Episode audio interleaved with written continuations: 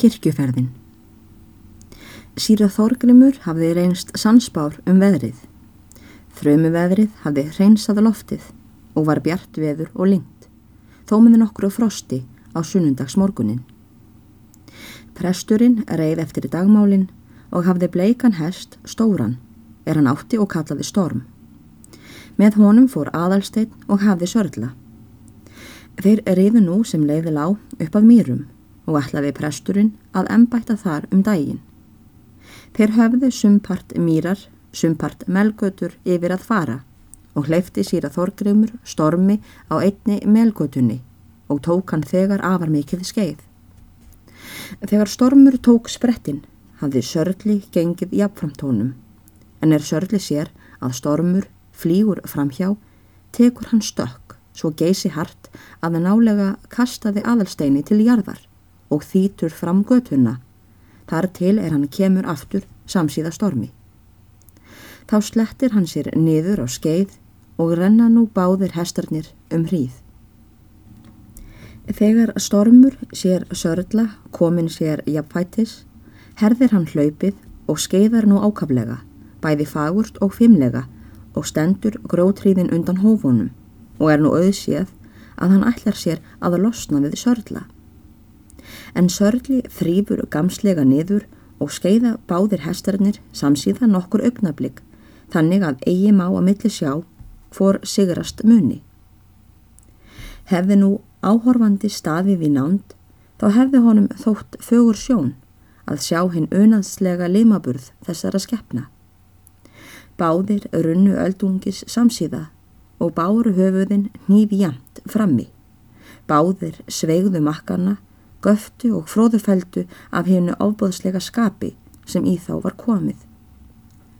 Báðir reyfðu fæturna tíðara en augamætti áfesta og báru hnið framfótana jafnframt snoppunum. Á meðan hóvar afturfótana köstuðu mold og grjóti hátt í loft upp. En töklinn stóðu þvínar að lárétt. Báðir rendu svo hart fram að melurinn bifaðist og kvein við en svo tíð voru hófatökin að eigi var annað að heyra en ein, einasta samfeldan þitt, þá er hestarnir brunuðu veginn fram, skjótari en fuggl á flugi. En þessi jafnaferð hestana varaði eigi drikklangu stund. Sörli tók að dragast aftur með stormi, á meðan stormur skeiðaði jamt og þjætt með sama þrótlausum ákafa. En óðara en Sörli kennir að stormur hefur götuna, ríkur hann upp af skeiðinu og flegist nú fram á stökki, svo geysi hart og orkulega að eigandin fær naumast við ráðið. Í þessari svipan hefur síra Þorgrímur stöðvað ferðina á stormi og er nú af honum móðurinn að miklu leiti, þegar sörli þýtur framhjá. Enda tekur nú aðalsteinn og í taumana og fær loksins stöðvað sörla. Síðan er spretturinn er á enda, stígur síra þorgrimur og þeir báðir að baki til að láta gæðingana blása og sagði síra þorgrimur þá til aðalsteins. Minst var nú að munum og ef vel verður farið með sörla þá mun þarna verða sá eini hestur hér í síslu sem ég vildi síður leggja storm á móti. Síðan bætti hann við. Þú helst líka dálaglega við hann Ég sé þú getur orðið reyðmaður. Fleira talaði hann ekki um þetta, en aðalstein hugsaði með sér. Þetta hefur Jón í skálholti séð, von var, þó að honum fyndist til um fólan. Þá er þeir síðan þorgrimur eiga eftir sem næst hálfa bæjarleið að mýrum, sjá þeir hundaþing mikið úti á túninu og aðra þyrpinguna í kirkjugarðinum og ráða þeirra af að messufólk munu komið. En hestana sáu þeir ekki og hafa reyðskjóðarnir, valdi síra þórgrimur, líklega verið settir í réttina fyrir norðan bæin og er ekki að marka þótt þeir sjáist ekki. Þeir ríða nú, þar til er þeir komið heim á hlaðið og stendur þá undir bæjarvegnum heil söpnuður af messufólki. Eftir það er síra Þorgrimur hefur meðtekið svo sem hálft hundrað kossa smáu á stóra spyr hann meðhjálparan að hvort þá sé allt tilbúið til messugjörðar en honum er svarað að forsöngvaran vanti. Aðalsteinn hitti Sigur Björgu á neðstabæ og fleira fólk þaðan og heilsar hann því vingjarlega en ekki sá hann fleira af kunningum sínum úr dalnum. Eftir litla byð snýr presturinn sér þar að, er fyrir stendur hópur af karlmönnum og ávarpar ungan bonda úr hópnum, Gunnlaug að nafni, og byður hann takast á hendur að stýra sögnum, svo að messugjörðin geti framfarið. En Gunnlaugur byður sig afsakaðan í allra kraftana bænum, ber við vankunáttu sinni, mútum og hæsi og öðrum löglegum forfellum, er fyrirbjóði sér að syngja þann dag. En þá verður einn roskin bondi, erlendur nokkur á dungi, til að styrkja mál prestins. Leggur að gunlegi með að byrja og lætur vel yfir að fástmunni hjálp til að syngja undir ef hann vilji taka lægið og verður neðurstaðan fyrir þrábeðinni prests og meðhjálpara að Gunnlaugur lofar að byrja söngin, heldur en að messufall verði. Eftir þetta er tekið að ringja til tíða og ganga ringingarnar slísa löst eftir venju og myndi hljómur klukknanna hafa látið fagurt í eirum ef nokkuð hefði hyrst til þeirra fyrir hundunum. Að því búnu gengur Gunnlaugur í kórin og tekur með sér til fulltingis tvo unga pilda og var annar þeirra yngvar á neðstabæ og ætlar Gunnlaugur sér að hafa söngin fram með þessum mannabla.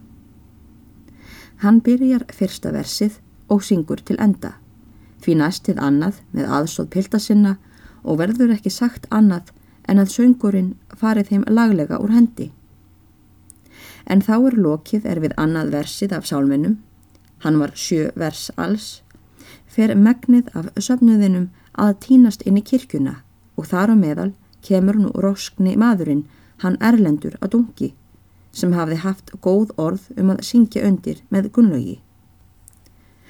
Erlendur er lítill maður vexti, með granna fætur og spengilega, niðurmjótt andlit og kvast nef og dögt hár sem hann klýfur ekki heldur lætur leggjast niður yfir ennið og er hárið stift þvert yfir ofan til við augabrýrnar. Óðara en Erlendur hefur tekið sér bók í hönd, grettir Gunnlaugur sig hræðilega í framann. Því næst byrjar Erlendur að syngja. Tvent var einkum aðtugavert við söng Erlendar. Annað það að hann hafði aldrei rétt lag hvað sem hann söng og var það nú sög sér en þar með var hann einnig svo skrækrómaður að sumum í kirkjunni, einhverjum óráðunari unglingum, þótti sér nóg bóðið. Erlendur byrjaði, slíkt sem aftók og með því hann þóttist nokkuð viss í sinni sög, en vildi styðja Gunnlaug til gags. Þá beigð hann ekki eftir forsöngvarunum, heldur kyrjaði versin og hendingarnar eftir sínum nótum og rak á mjög merkilega nikk í endurinn á hverri hendingu. Mátti Gunnlaugur nú þreyfa á því að Erlendur gerði fyllilega svo mikið sem hann hafði lofað. Á meðan þessu fór fram var meðhjálparinn stöðugt á ferðinni fram og aftur um kirkigólfið til að leiða gesti sína í kórin og var nú margt fyrir fólkið, sömt innan sóknar en margt utan svo að ekki mátti heita að meðhjálparinn hefði nokkur stundlegan frið. Þessi meðhjálpari hétt Sæmundur, átti heima í gröf og var albróðir Jórunar á fossi, þaul vanur og leikin í öllum meðhjálparastörfum.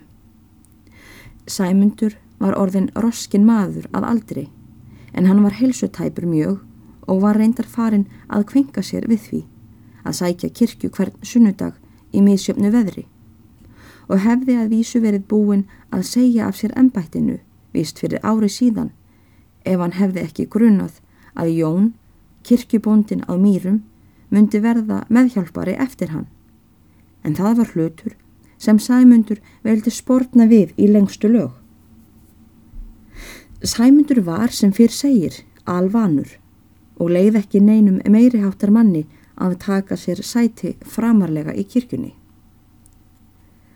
Hann hafði nú vistað í kórnum aða norðanverðu tvo menn utan sóknar, bonda og vinnumann hans og lagði síðan á stað aftur til að sækja nýjan aðkomumann, gamlan bonda úr ásasókn, en hafði tekið sér sæti fremst í kórnum að sunnanverðu og fast við pretikunarstólinn. Þessi maður hétt Árni. Hann við lengi verið þreppstjóri og var talin einna best fjáður í þeirri sókninni. En það var íhegin Karl, ekkert barna meðfæri og kunnur að því að hann let ekki flíka sér til muna. Þennan merkismann vil nú sæmundur færa nær altarinnu og ekki láta hann sitja við kórstafinn. Hann gengur af árna og bendir honum fyrst að hann skuli þoka sér upp betur en árni lítur ekki við. Meðhjálparinn kann illa við þetta, veður að manninum óðara og tekur í aukslónum. En hinn situr kyrr og lítur aðeins við snöglega og segir svo hátt að heyra má um hálfa kirkjuna en svo þurrlega að sæmundur varð kvumsa. Láttu mig vera. Ég heyri hérna full vel til prestsins. Gengur þá meðhjálparinn innar aftur til sætisins og hefur nú dálítinn frið um tíma.